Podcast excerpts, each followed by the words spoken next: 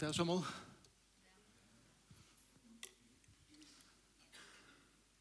Jeg elsker å sitte sånne helsene som finner fra Gud ved Magnus at bryr løyve til hans her. Og han stod han hatt. Jeg ble eisen sin øvensjukker nå at i Hawaii kan man bygge bygninger bare ved en tætje. Og annars er alltid åpne. Ja, det er ikke galt. Ja, hvis vi bygde luftene, og det var bare et tak, og andre vetter, og folk strøm av inn, og lengst har de flott inn, så altså. Deilig å være her i morgen, og jeg synes at jeg kun sier som Rune sier så vel at det er sånn ekv kjent, elskelig anledd som vi har fylst nå i morgen og sånn jeg var.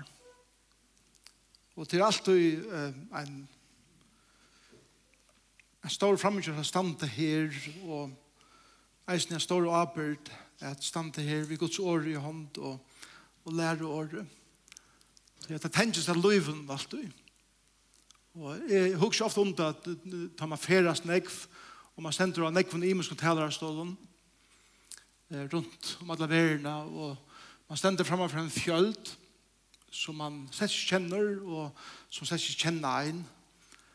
Og til nevnt det at imponere og, og og si i mest som, som uh, man vet eh, ikke kom at til noen til at jeg er ferdig flikt morgen, og så kom jeg ikke her, eller så er det sammen. Her her, her er man han som man er, og man er kjentur, og Og det, det skaper en uh, djupan, ikke øtta, er ikke rett året, altså er ikke benchen samtidig, men øtta at han har hatt etter en djup respekt. Tøy at vi er ødle tjøkkenen skoa hver annan, og tøy er det at nøyen er så medelig viktig i akkurat bådskapet. Lesa en søve om uh, tvær menn som uh, var nok så nudger i en sankumme, har vært kommet der nærkere sundier, og Ongen i vi der. Ongen kom ordentlig helse på der. Det er noen som sier hei og sånne, men ikke ordentlig at helse på. Og Anna Mavrin, han, da det kommer til en av seg sånn der, så sier han, hva skal jeg til her tog meg simpelthen ikke mer. Hvis Ongen kommer at helse på meg neste sånn der, så reiser vi opp og i ferja møten noen, og vi kommer omkant i atter. Og en annen med vår, som eisen har vært en tog av møte, og ønsken som så kom ordentlig helse på han, han sier så at, at her tog meg simpelthen ikke mer. Nasta det, hvis ønsken kommer helse på meg, så får jeg helse på omkran. Og det passer akkurat så at han sånn det sundagen, at, at han kommer å sitte så leis at, at, at Annars hadde rekkene framfor det, åttast, og hin var bare et attanfor det.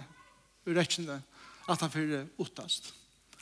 Og ønsker kom helse på det, han da som den elter, og møte vi var livet, og Annar, han til så klar han, jeg reiser seg opp på at færre sted, vi han sørste sang over sunnsjen, vi tog for jeg, at jeg kom atter, og hin, han gjør seg eisende klar han, jeg færre opp og helse på akkurat.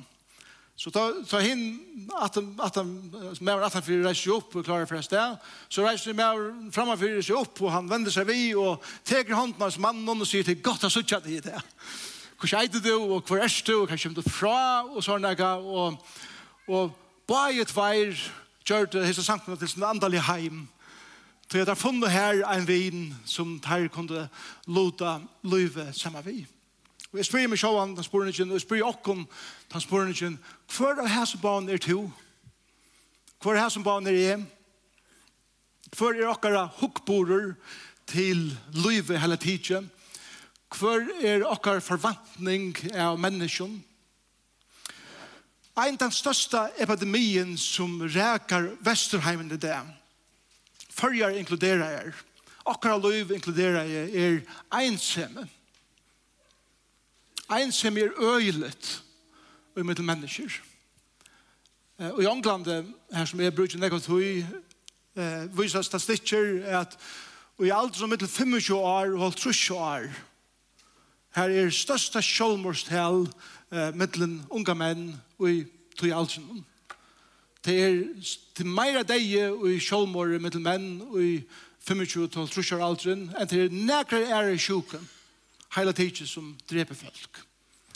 Og det er, er kanningar som viser at det er at ultimativt er til det tøy at en personer, selv om kan være i en rikve av menneskjen, føler seg grunnleggende ensamhetland. Ønsken er her fire med. Jeg, jeg gjenger ensamhetler eller ensamhetler, og jeg ber på mine byrer ensamhetler eller ensamhetler. Og På en måte så blir man sett mer og mer til syes. Etla, man ser det seg mer og mer til syes. Kjenner de tatt her? Satan er en liknare. Satan er en tjover. Satan er en droppsmæver. Han sier at misjon vi menneskeløyvene er at likva fyr dem og at han ikke legger ut det. Hans mission er at få folk bors fra så at de gjerast løtt offer. Han løyer for dem, og han, han gjør alt hva han kan for at de skulle bli offer, vi tog for eia. Jeg gjør enda av dem. Og besta motgiften i motor satanen som alobon, det er ikke egen kraft eller styrke, men det er at få vita over mynter atter og atter og atter og atter og hvor Kristus er. Og at han er aho i tunne livet. Og at han er en som sier sannleikan om hvor du er. En som ikke kommer til å stjæle, men som kommer til å djeva til tunn. Og han demonstrerer det aller best ved å djeva sitt liv for dem. Og han ikke kommer til å tega til liv, men han kommer til å djeva til liv. Faktisk gav han sitt liv for å djeva til og mer liv. Og dette bådskapen som vi atter og atter og atter må minne hver annen av. Glede bådskapen er det som helder dere livande. Glede bådskapen tar vi byrja fætan, er eisne den bådskapen som byrja djeva dere perspektiv i livet, og eisne byrja mynda dere hukkbord. Et annet som i halde eisene er viktig for åkken i løyvnen, det er at være reell om hvordan løy vi er. Og veldig ofte har vi lagt mest til, bare fra meg selv, men eisene folk som vi tar seg vi, er det at vi som tryggvandre på åkken måte har en orealistisk forventning av hver nøyren som mennesker vi halde av tog jeg videre tryggvande, så er vi et eller annet slag av supermennesken, som alltid skulle være her fyrir hver annan, og ødel skulle være om ødel. Men tess meir jeg leser Bibelen, og tess meir jeg leser brøvene, og tess bedre jeg kommer kjenne Paulus og, og ånder i skriften, så er det slett ikke mynden av tog som en reell sankumma er,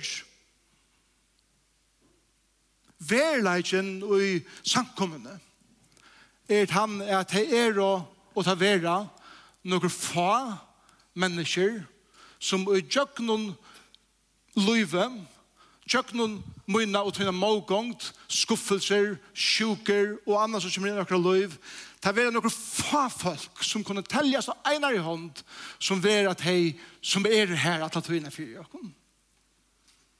Og Paulus minner okkur nå at i steg fyrir at grenja om alt henne som ikkje er her, så slår vi brøyde hukkboren at være omedelig takksom og gledast om hei som er her. Fyrir okkur. Amen. Og jeg halte at hatta er ein av bådskapen som Filippe brevet hever. Og det er vi kommet til sørste parten av Filippe brevet. Hadde vi glad for Filippe brevet? Ok, jeg tar ikke noe særlig. Ja. Godt, jeg spyr ikke at. Lykke mye. Filippe brevet er et brev som på en måte hjelper dere i de andre livene at ha et sunt perspektiv. Og et sunt perspektiv er først og fremst å skilje hvor Jesus er, hva han har gjørst, hvor han er i akkurat livet. Og så er det eisen i at suttja er at omstående akkurat livet er utrolig imenskar. Vi kanskje er det gåar, vi kanskje er det sera troplar. Men det gjør alt her vera det her som menneskene som god setter inn i okra liv som vera et hei som er okra stolar okra bakkar og jeg suttja eisen at det minns jo i livet Jesus her Vi leser om Jesus at fjöldunar fyllt og etter honom. Massar av fyllt. Så jeg ville ha noe fra honom. Jeg ville ha mat, jeg ville ha drekka, jeg ville ha grødd. Så langt som det var noe for teg, så var det funnet. Så var Jesus super. Så kjøtt som han började att sett en krøv, fyllt mer, tætje til krossen, så hikker han om seg og sier, hva blir det at det ni av? Det tar minkar håperen. Og ta minkar fra de store fjölden nyer i fjers folk som Jesus sendte ut at heva en misjon. Av de fjers minkar bøkeren nyer i tølv som var tølv folk som var rettelig nær som kjente oss rettelig vel og brukte tøy sammen. Men av de tølv var tru, det trutjer, og Jesus er som var honom særlig nær, ta Jesus for å sinte langer fra henne lærersvenn, så han trutje lærersvenn er vi, Jakob, Peter og Johannes. Tar var ofte nevnt at tar for vi er vi innom, tar var enda nærre, ta tar kun seg einar i hånd, de som er her til det aller svaraste. Og ultimativt, så gikk Jesus ensamt ut av Golgata Kross og ødel flytte fra ham. Eisen tar sutjer. Jo, Johannes var vi av Golgata, men tar flytte. Og Johannes fikk driv jeg kom atter. Ultimativt er det det samme vi åkken. Er Jesus gonger ut av Golgata ensamadler, og han skal suttje etter i egene, og ferien er vi innom, halvanden er vi innom. Ultimativt er det så i akkurat løyve, at ta det kommer til avvis ting i akkurat løyve, så er det ikke en gang til nærmeste som kunne være her vi og kunne. Og hvor godt er det ikke ta av å mynter atter, atter og at det er omgang til tynne løyve at du er slett en ensamme, eller ensamme retter. Det ultimativt er det bare ein som vil vitte atla veien. Og han er det Jesus. Og han var en veldig personer som hever livet og lever i det. Og som sier vi til og med i det At om du byrjar at hava en hukkbord i løyven, kan du ikke hikker at ötlen som svitja det, men heldur hikker at heima som er vitt der, og hikker at mer som i ötlen er vitt der. Så for ein som ikke det er kjenner til løyv, så for faktisk nøgt seme at jeg kjenner til løyv, takk seme for at jeg kjenner til løyv, og glede for at jeg kjenner til løyv. Og da sier glede, så mener ikke vi at her Colgate smule eh, som vi tenker på, men, men at i ødel omstøven så vet jeg at jeg har det godt. Du er i hånden og kjeinen som elskar meg. Bådskapet til flippbraven er fantastisk ur. Første kapittel er, er byttet på fyra, eh, en fyrt kapittel. Første kapittelen heter Bådskaperen ut henne søkere. Bådskaperen som vi ber om Og i alt som vi gjør er evangeliet om Jesus Kristus. Amen. Vi gjør det på nekvar imenska måter. Evangeliet er størst. Men ultimativt er evangeliet til at Kristus har gjørst nekvar fyrir okkur som ikke andre mennesker kan gjøre. Tan båskapen bera vid. Vi tar finnes en båskap. Fantastiskt.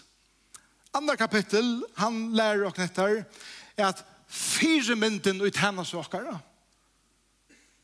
er Jesus Kristus sjálfur. Samma sinna la vi tykker som var Jesus Kristus, som gav seg sjálfan. Så tar vi færre ut via en bådskap om Jesus Kristus, så gjør vi det på den måten som han gjør det, vi til hukkboren som han gjør det. Og tre kapitlen lærer dere der, er at årsøkjen til tænastene som vi har er sikningene som Jesus beger dere og gjør ørene gjøkken dere. Ja, det er fantastisk. At tjene herren om, at her var fantastisk bådskap, at hitja hvordan han gjør det, og så oppleva at her at faktisk, og i mine forhold med mennesker, så vil jeg sikna over. Jeg lot det gleden av vi gjør mennesken, og at andre mennesker var sikna i kjøkkenen til som er bedre inn i terrorløyv. Og fjore kapittel, han er om etter. at styrsten i okkara, tænast, er omsorgan Kristus her. Så vi ører nøren. Vi færre ut, vi tar en båskap, vi gjør han at han har som Jesus gjør det, vi opplever resigneie, vi opplever Nei, vi sikna under. men verleisen i livet noen er han at og som feriene så opplever vi leisen i målgångt, Vi opplever skuffelser. Vi opplever at folk som var og nær ene før, grunn av et, et eller annet som vi søtt og eller gjør det, så er vi ikke vinner mer, og til å vente noen bedre, eller jeg har vent en bedre. Og nekk kommer inn i livet som gjør at vi blir skuffet og ensom mennesker. Og Paulus minner dere nå at det er en som er omsorgen for det her i livet og han heter Jesus. La oss lese Jeg sier at det sørste brådet sammen i flipper av noen, så skal jeg bare gjøre noen hulainger ut fra teksten og, og så ikke herren for å gjøre vi og vi det. Vers 9 i flipperbraunen, kapittel 4. Og jeg skal lese til endan av kapittelen. Så det som jeg har sagt er bakgrunden til det som vi nå leser.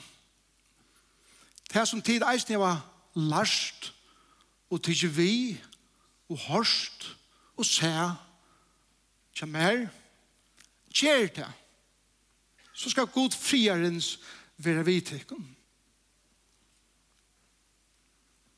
Det har vært mer til store glede i herren er at nå endelig at du stender så vel til tjatikken at tid her finnes jo huksa om hjelp til munnen. Jeg elsker akkurat hatt der. Det er akkurat som, husk det og jeg har sagt det før, Paulus er i Rom, men han er ikke av Ritz-Carlton-hotellen i Rom. Og ligger her av spa, økjenden og ferien av deilig rikmassasj. Han er en ærestender. Han er faktisk inne i borgene til keiseren. Han er fyrre for han er i fengehuset. Ikke settende fyrre. Han som er settende fyrre kan man stadig vite i det. Han Fyrir fyrir sitter han i en leia av en herberge, og der sitter ein romerskur hesmenna, hermaver hesmenna, og ein romerskur hermaver hesmenna. Hese bajer er trenere kruksmaskiner, tar doa ikke bedre enn å drepa. og tar er Paulus lantjauer til kvantæra. Og han får ikke gjørst. Og han, han han sitter her, og han bøyer etter hver domer en vei som skal komme iver han. Han vet ikke om han får iverlivet etter. Han vet ikke hva han sender for framman. Han er avskåren fra ødlån, sosialen, milon og sambanden og ødlån som annars han kunne haft kontakt til. Og her sitter han. Og han sier at jeg gledes om at han sender så vel til tja tikkum. jeg vet ikke hvordan tid det har haft det, men jeg sier at det er sagt Hette er nega forferdelig norsk å si til her, altså. Altså, nu skal jeg fortelle deg hur så ringte det här och där. Och så jag skriver lengt bra om hvordan fruktelig er som her som er vær, og hin med vær, og Och det skiftet vax så kommer man inte med och mätaren vær forferdelig, og alle ting, de fikk ikke friska luft og sol og det vil jeg menar mangler, og alt mulig. Og Paulus sier, jeg gledes om at tid här har det gått.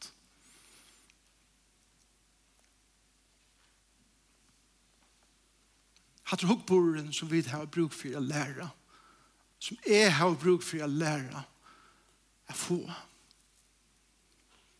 Og til noe som kan læres, det er ikke bare noe som bara man färra komma till några som jeg bestämma mig för att hattet han hatt et hukkboren som jeg ikke er søtja og i livet så sier han eh, vers 12 at nå så stämt så vel til at jeg kunne titte var hugsa om hjelp til min, ikke tog at jeg hugsa om det avur, vi, men tikk bare ikke til ta. Hetta sier ikkje av trångt, det var larst av vera mer no mykje. Ja, det som jeg har.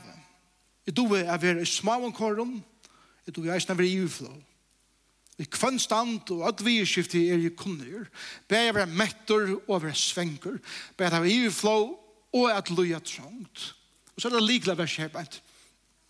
Alt er mentor og i hånden som gjør meg sterskan.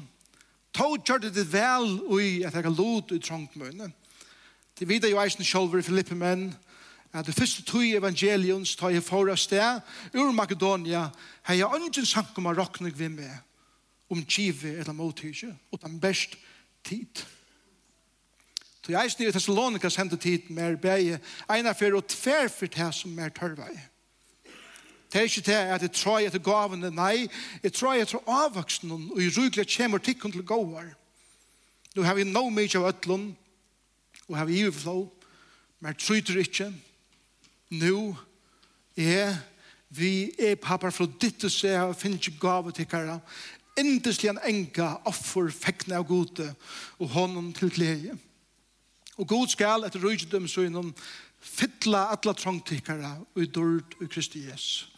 Hånden, gode og feir okkar av i dorden og i alder og atler over. Amen. Helse hin førjun heilu og i Kristi Jes. Børnur som er er og leta helsa tikkun. Det var forresten Timotheus og Epaphroditus, tvær brøver. Tvær brøver All henne heil og lade helsa til kun særlig at hei som høyra til hus keiserens. Nei, herrens Jesus Krist, vere vi tikkun.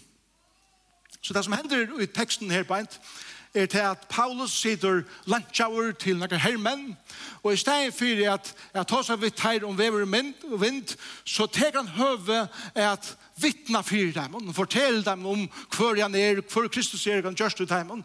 Det er alt hei spiltur nutje tryggvald som høyra til hus keisarens, til folk som på ankra måte har tænast og inni her tja Paulus om det er at kommer vi med til han eller hans etter noen eller om det er at spyrjan om ting så var det folk som Paulus og akkurat en eller annen hatt vann for Jesus er skuld. Og han sier vi flipper menn at Faktisk, da jeg var i Thessalonika og æresandar, så, så var det bare tid som huksa om meg og tog det kunne av mer. Paulus var han som byrja i alle hina samkommende reisene. Og Paulus kom til haft han hukk på at nu har jeg byrja samkommende, nu har jeg gjort sånne god ting for det, til skilta meg heter. Hans hukk på er ikke suttja i, i løvene til Paulus. Men han gledes om de som kommer vi av løsleiene og veit av honom en hjelp. Og størsta trøsten som Paulus fikk i sin teksten her var en menneske. Og han heter Epaphroditus. Og Timotheus er reisen i herbeid. Paulus gleder som hesa boa mennene som er her. Og i stedet for jeg finnes det at øtlen hinnom som ikke er her. Det er lagt igjen samkommet som hesa her kan vi det nekk folk. Ta i færre tjøkken ting i løven. Og vi færre øtler tjøkken nekk ting i løven.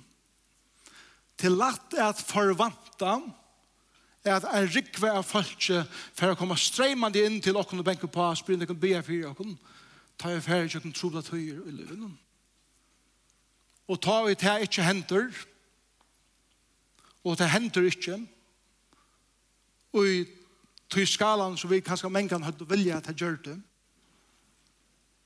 så ble jeg vidt fornærmet, så ble jeg skuffet, så ble jeg vidt sært. Men hver verleikjen av til kristne løven er tann. Er det samme hatt som vi Jesus, og er samme hatt som vi Paulus, så ver at at hei som kunne telle seg einar i hånd, som ver det her fire fyrjøkken, ta i imskjønnen akkurat det. Ja, det er deilig vi en helsan, det er deilig vi at onker skriver, sånn reka, og det er ordet viktig. Men nå husker jo meira, eisen som sier ikke lov det vi gjør, at missa et baden, eller missa en kæran, eller færre jøkken tjuna kylna, eller færre jøkken ting som virkelig har ryva livet opp. Og ta i verleisen til han, grunda av det som nødvendig lærer halvtid, og erfaringsna og i løyvene som mannen og kvinneskriften, og er han at hvis du gledast om de fave som kom. Og prysa herrene for deg. Og vita at nekka teimen som kanskje ikke benka av mine hår, er det de som benka hårene av kjøkkenør. Sier det? Ødel heva sånne nærmast. Det er samme som ødel er og korsene og til stora bøylaten som bare godshej. Vi og i så mye her, så mye her, og mye her, og mye her, og så mye mer. Men alt kunne ikke være ikke mer, og alt kunne ikke være ikke her. Men alt er vi og en eller annen måte. Er det vi?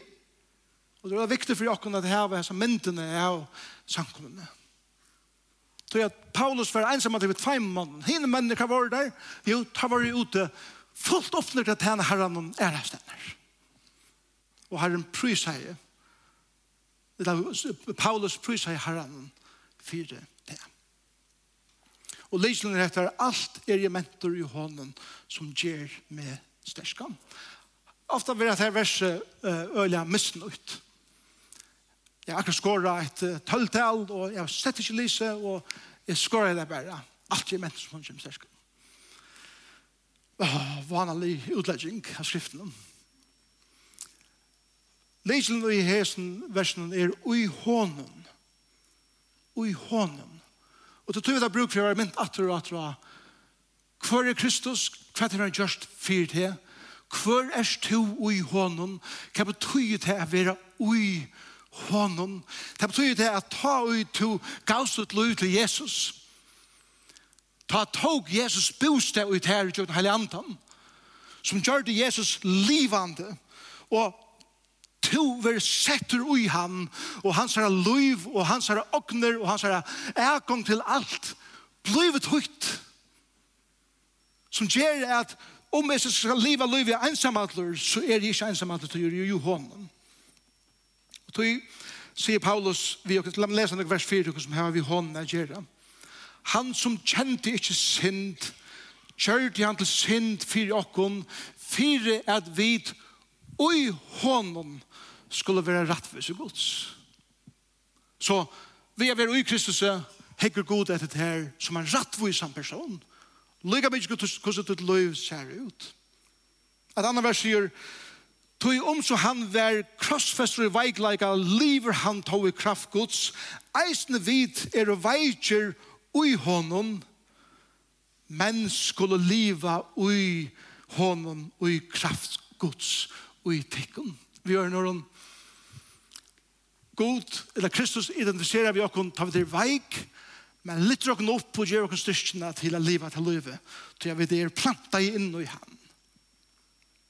Og i hånden har vi endeløsningen av vi blå i hans her, fire gjennom syndene.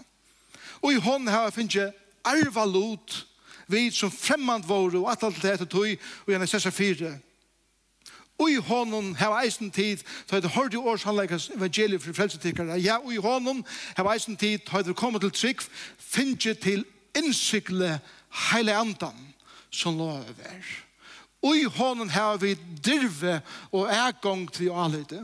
Ui honum hava vi endeløysingsina. Og nú bøtt mine, ver verande ui honum så vidt ta igjen åpenberast skulle heva dirvela heva dirvi og ikkje vera det skammar for i hånden vi kom hans herre så ikke det versene at det likla vers likla sannlagla vita er at det er ui hånden, at jeg kan sutja løyve akkurat som det er. Lyga mykje hver reka mye løyve og til ui hånden er fyrir han hukkbor er vera takksamur og nøktr Tog er det at likle i flipper braunen, og til vi lyst lyste at og at er glede. Gledes til herren natter. Alt du. at du sier gledest. Finne glede til herren og i herren. Ikke røyne å finne gleden og i ødelen øren om herren. Ta vi heva gleden i herran, så bliver hitt eisen inspirasjon til glede. Og ta vi det eisen av glede, så er vi eisen eisen av takksemme. Og nøgtsemme. Nagt sem er bestendur, sier onker, at tre trimon tingun. Det første er at suttja det som vi heve, som nekka avmetelig underfullt og størst. Til nummer eit, altså det som vi heve, jeg sier, dette er det beste av det beste. Og de falskene som kom inn i mitt liv, jeg sier, jeg elsker hese falskene til det som sånn tøtning for meg. Nummer tvei, det er til at vi må få en og fire at det er en som djever til gavene. Så hvis du ikke vir i gavene, så sier du vi vir i hånden som djever gavene, som først og fremst er Jesus Kristus som djever okken alt som okken tørver og i livet om, og er nøkter vi at jeg skal være omtur at få til for hånden, og til det tredje, at jeg er han, hvordan privilegerer vi er jeg ikke, at for at han som har finnet Jesu gavene og i vinen, som har nu givet mig og jag har allt mitt liv. Er det vi? Tid har viner här på jeg og du er bare viner her på ett. Det som vi har bruk for å lære, som Paulus lærer oss. Det er at sette seg fire at jeg får søtja mer og mer vire og dyrt og i hans og falkanen som god har sett inn i mitt liv. selv om det er fa Og jeg får søtja mer og mer meir nøksem i at god har gjort det så leis. God har orkestreret det så leis. At hese fem eller tru eller tjei, jeg vet ikke hvordan jeg er, og i livet tja akon. Er det som Herren setter her. Jeg fyrir seg mer i jøkken til som skal jøkken i livet. Og så er jeg takksamme for det at jeg ble mottakeren at han vinner som er interesserer i mer. Så vi bryr på å hukse handa maten. Så vi bryr at vi er nøgt vid det som vi har og gled om det som vi har. Og jeg er ikke bensje for at uttrykja takksomme til hans menneskene som godsetter i akkurat liv. Så får vi det være en sankomma som er fullkomlig forvandlet.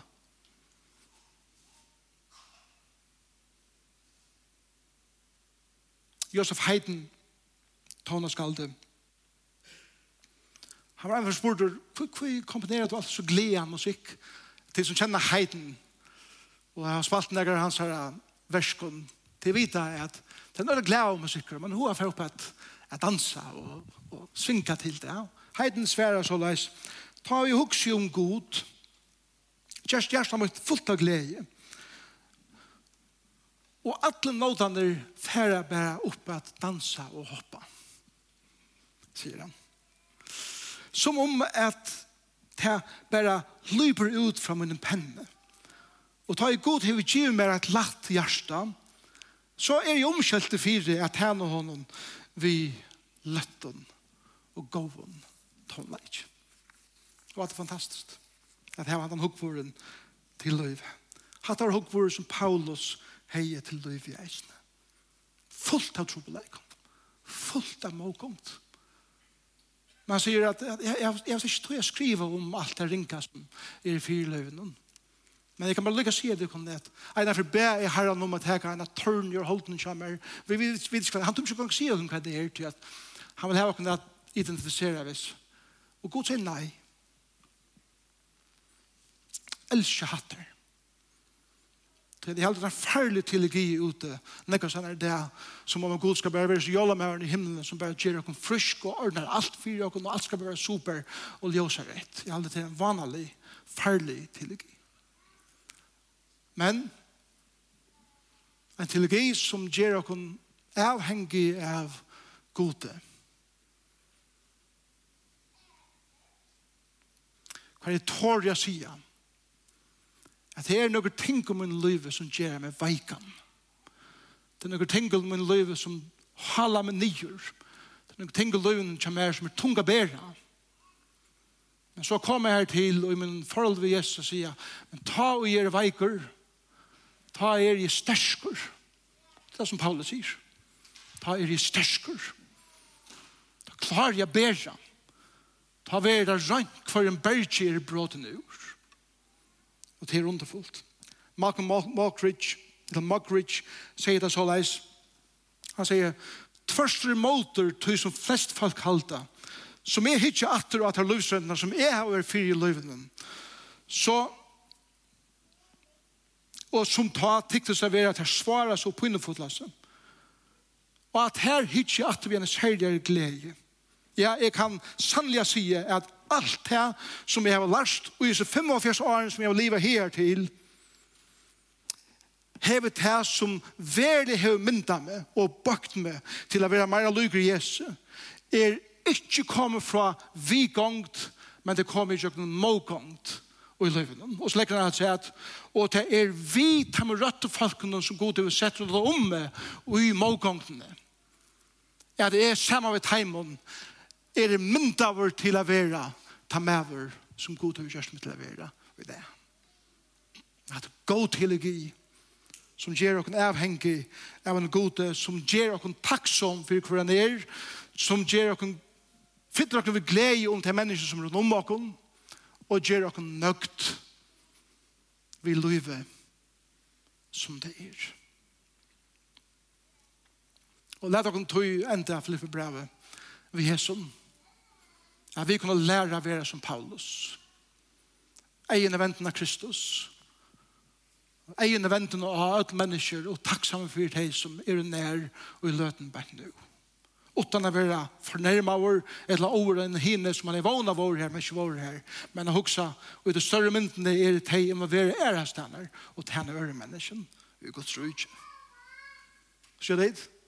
Vi har bruk for hæsen, hukkbordene, eisen i luftene, Og jeg har bruk for her som og i min liv eisne. Som at jeg har en signa samkommende og vil vi og be deg om for å be for meg for sted morgen natter og at herren skal bare varve dem med og halte halvna sånn hånd i mer. Så la meg be oss hemmen. Jesus, du erst akkurat sanna firmynd. Og vi takster fyrir som Rune er eisne les fyrir okkom at vi steg fyrir at finnast et og vi skuffa over så heldur jeg signa og bia fyrir menneskjen. Og jeg er ikke takk at her Jesus fyrir at du har givet mer noen mennesker i mitt liv som jeg veit er her. Og jeg prøyst deg fyrir deg og deg fa. Og Og til samræði tjokken öllum som har vært til herreisen Jesus. At hei, det er mest leikere av Da er det, da er det det fava som møter opp. Men jeg pryser der fyrt hei. Og jeg testa for henne som ikke møter opp som er, men møter opp er jeg stannar. Signa denne sankummen. Hjelp okken at hitja vel at kvern øren. Hjelp oss å hitja vi okritiske egen mot hverandre, og ikke fordømende egen, men å sikne hver annan, og ødelen til min økene som vi leverer jo i et henne til. her. Hjelp oss å lytte hver annan opp, å sikne hver annan, å oppmuntre hver annan, å være om hver annan. Men så blir jeg eisende at du gjør oss drive ved kørst, å trakke inn i situasjoner, da du prikker av oss, og vi tar høyre sånne rødt sida, ferdig her. Ferdig her gjør oss åpen. Takk for Filippe brevet. Takk for Paulus som lunch hour og skriva i heter. Og gav her alle dørt. Det jeg visste hvor han var. Og her.